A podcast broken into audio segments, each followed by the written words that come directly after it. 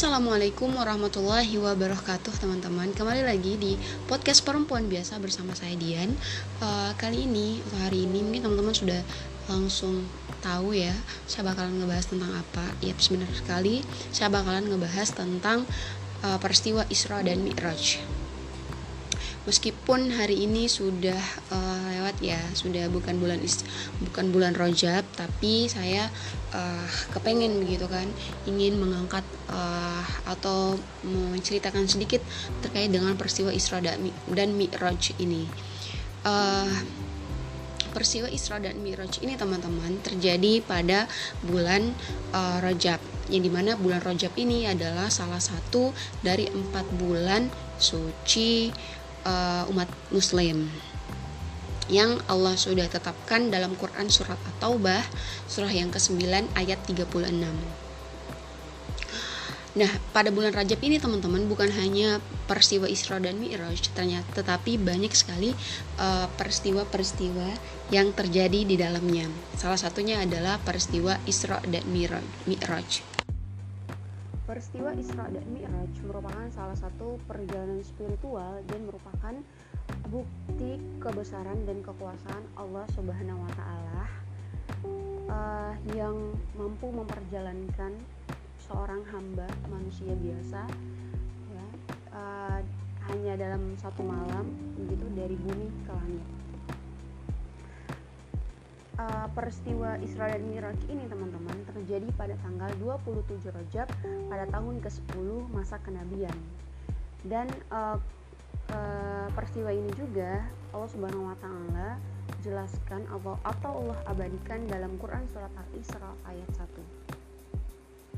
Pada masa tersebut juga teman-teman sebelum uh, peristiwa atau uh, Rasulullah melakukan perjalanan Isra dan Miraj ini uh, ini uh, Rasulullah Shallallahu Alaihi Wasallam itu mengalami uh, masa kesedihan. Kenapa? Karena Rasulullah Shallallahu Alaihi Wasallam uh, ya sebagai uh, manusia biasa ya pada umumnya yang uh, kehilangan gitu orang-orang yang beliau cintai yakni istrinya Khadijah binti Khuwailid dan pamannya uh, Abu Talib ini yang meninggal dunia uh, pada tahun-tahun tersebut gitu. Dan uh, pada tahun ini teman-teman sebelum peristiwa Isra Miraj ini Rasulullah SAW benar-benar terpukul karena uh, bukan terpukul ya kayak merasa sangat sedih atau disebut sebagai tahun-tahun atau masa-masa kesedihannya Rasulullah karena dua orang ini merupakan orang terpenting atau orang-orang yang uh, orang-orang yang membantu Rasulullah SAW adalah mendakwakan Islam. Yang pertama adalah istrinya Siti Khadijah dan pamannya begitu.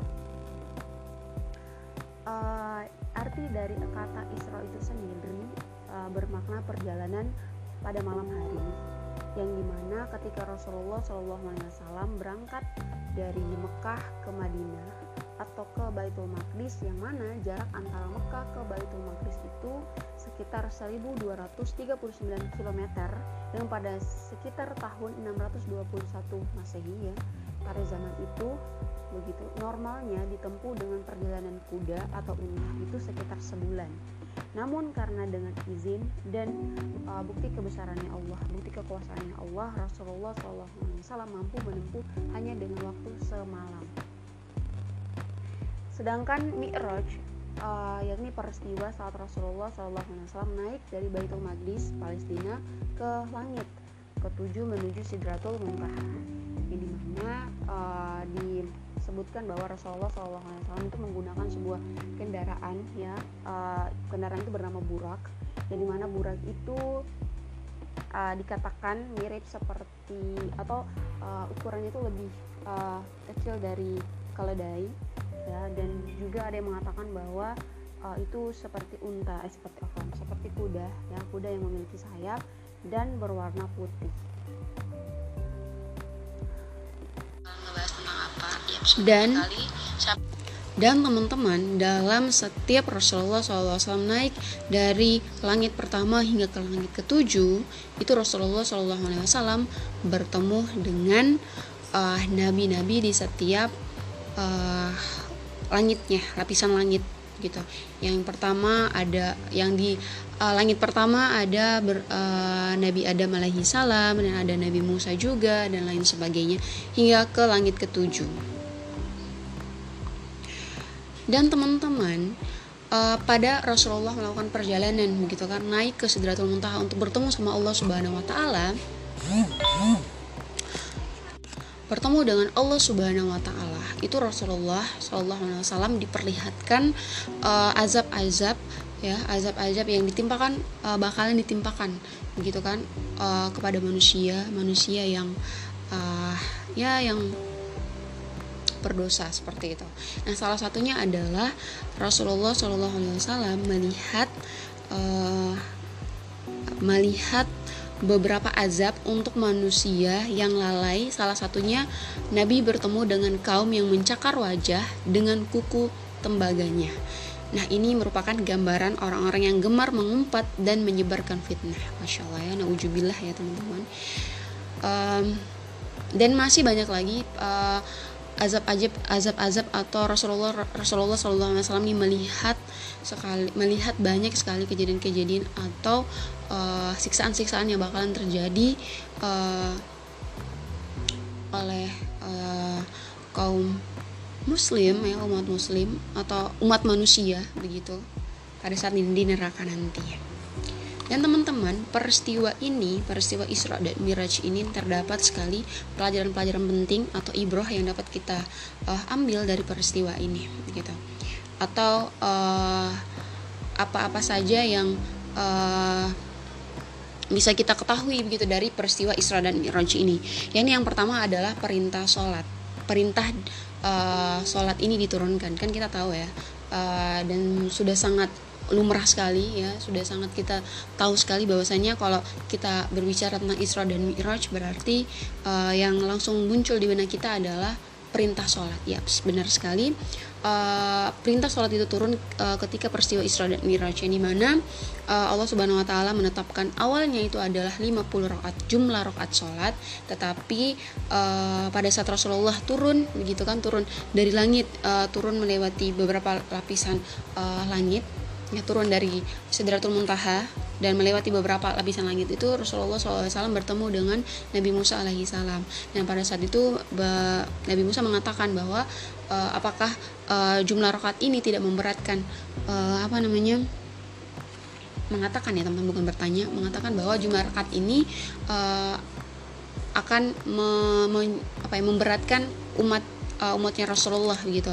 Sehingga Rasulullah pun uh, akhirnya uh, naik lagi begitu kan naik lagi ke Sidratul Muntaha untuk meminta uh, ke kebaikannya Allah Subhanahu wa taala untuk uh, me mengkater lagi ya kan? Memperkecil lagi jumlah uh, rakaat sholat. Sehingga jumlah rakaat sholat pun dari yang 50 rakaat menjadi eh ya 50 rakaat jumlah sholat menjadi 5 uh, kali sholat.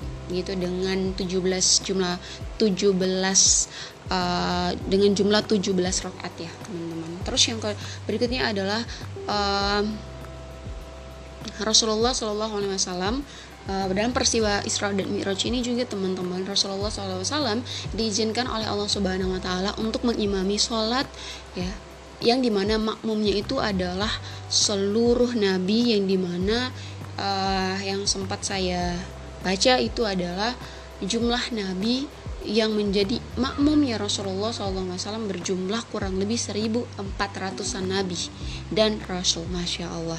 Yang di mana yang dijelaskan ya dalam Al-Quran dan yang kita tahu itu ada itu hanya 25 nabi dan rasul tapi sebenarnya itu nabi dan rasul itu sangat banyak teman-teman. Dan uh, pada saat peristiwa Isra dan Mi'raj itu uh, Allah uh, mengizinkan Rasulullah SAW untuk mengimami begitu uh, mengimami para nabi nabi-nabi ini begitu kan. Dan ibroh apa yang kita dapatkan dari uh, kejadian ini bahwasanya Rasulullah SAW ini dipilih Allah untuk menjadi imam begitu kan. Padahal kita tahu bahwa Rasulullah SAW ini merupakan nabi yang terakhir gitu kan. Dan kenapa? Bukan bukan nabi Adam begitu kan yang notabene merupakan uh, nabi pertama tapi tidak Allah pilih begitu untuk uh, menjadi imam uh, untuk mengimami sholat uh, para nabi. Yang di mana sholat ini dilakukan di uh, Baitul Maqdis uh, Palestina. Terus teman-teman uh, jawabannya adalah atau pelajaran atau ibrah yang dapat kita dapatkan adalah bahwasanya Rasulullah SAW ini ya uh, merupakan pemimpin umat Muslim sampai hari akhir nanti dan pada hari akhir nanti.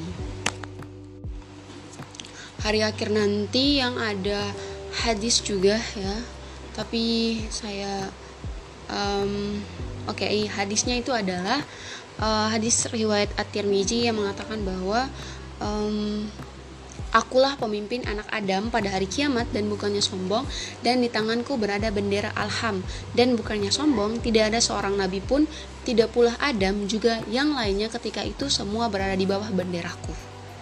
Nah, teman-teman hadis ini menunjukkan bahwa uh, Rasulullah Shallallahu Alaihi Wasallam diberikan kekhususan dan keistimewaan oleh Allah Subhanahu Wa Taala uh, dan juga merupakan uh, apa ya sebagai uh, nabi terakhir yang menghap yang uh, nabi terakhir yang membawa ajaran uh, ajaran yang terakhir juga yakni agama yang terakhir yakni agama Islam yang di mana uh, konsekuensi dari uh, ajaran yang terakhir ini adalah menghapus ajaran-ajaran nabi terdahulu gitu kan?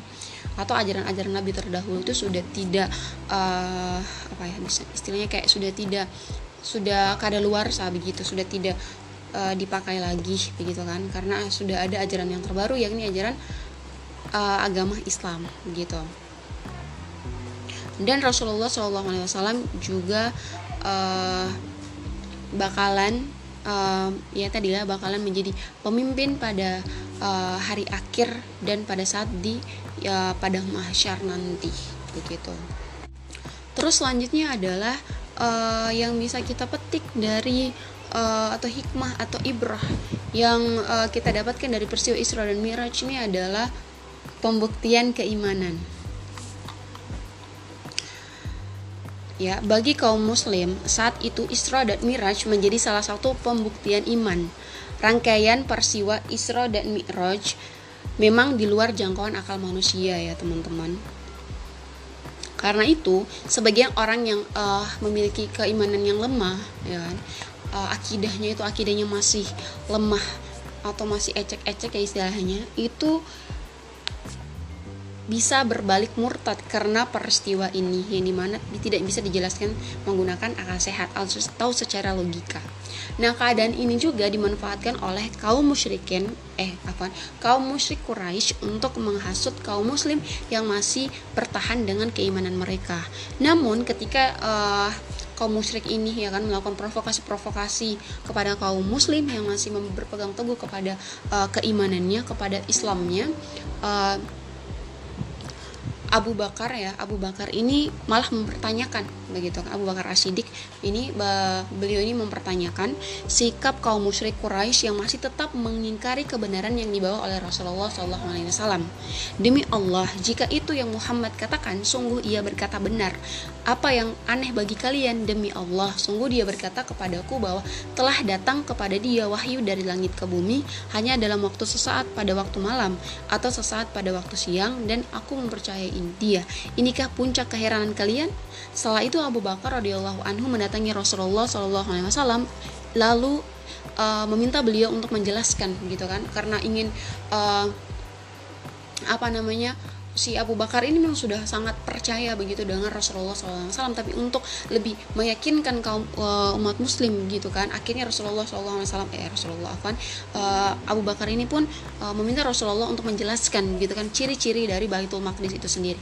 Dan Rasulullah pun menjelaskan dengan lengkap Abu Bakar pun berkata engkau berkata benar aku bersaksi engkau adalah utusan Allah. Rasulullah SAW pun menjawab engkau Abu Bakar adalah asidik atau yang selalu membenarkan. Sikap Abu Bakar As-Siddiq radhiyallahu anhu menunjukkan pribadi seorang mukmin yang teguh uh, di tengah arus opini yang hendak merusak keyakinan umat Islam pada saat itu uh, terhadap Rasulullah SAW dan ajaran uh, Islam pada saat itu. Dan peristiwa Isra dan Miraj ini juga teman-teman membuat uh, kegoncangan hebat masyarakat Mekah uh, dan uh, merupakan uh, suatu yang sangat penting atau urgent uh, bagi tonggak perdirinya peradaban Islam. Peristiwa agung ini teman-teman terjadi setahun sebelum hijrahnya Rasulullah dari Mekah ke Madinah gitu kan untuk berdakwah uh, tepat terjadi tepat terjadi setahun sebelum proklamasi daulah Islam di Madinah Al Munawwaroh peristiwa Isra dan Miraj memudahkan Rasulullah SAW untuk memilih siapa saja yang uh, pantas begitu kan menjadi penopang bagi pendirian daulah Islam yakni kalangan yakni uh, kalangan kaum Ansor dan kaum Muhajirin. Dan uh, maksudnya bahwa pers dengan adanya peristiwa Isra Miraj ini teman-teman uh, benar-benar terseleksi begitu kan orang-orang yang uh, benar-benar yakin akan uh, Islam itu percaya akan uh, agama yang hak ini begitu kan? Jadi terseleksi di peristiwa Isra dan Mi'raj ini.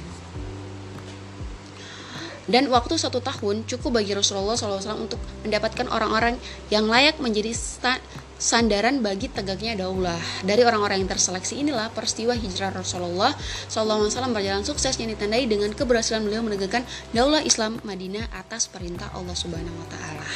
Oke, teman-teman, sekian dulu uh, episode atau season pertama Isra dan Miraj. Soalnya ini sudah 16 menit ya. Takut teman takutnya teman-temannya uh, pada bosan so uh, silakan mendengarkan silakan menikmati kalau seandainya uh, teman-teman uh, apa ya kalau seandainya podcast saya atau uh, isinya perlu dikoreksi teman-teman silakan koreksi di melalui akun Instagram saya di @dianandini. Oke, okay, selamat mendengarkan. Wassalamualaikum warahmatullahi wabarakatuh. Tunggu di season keduanya.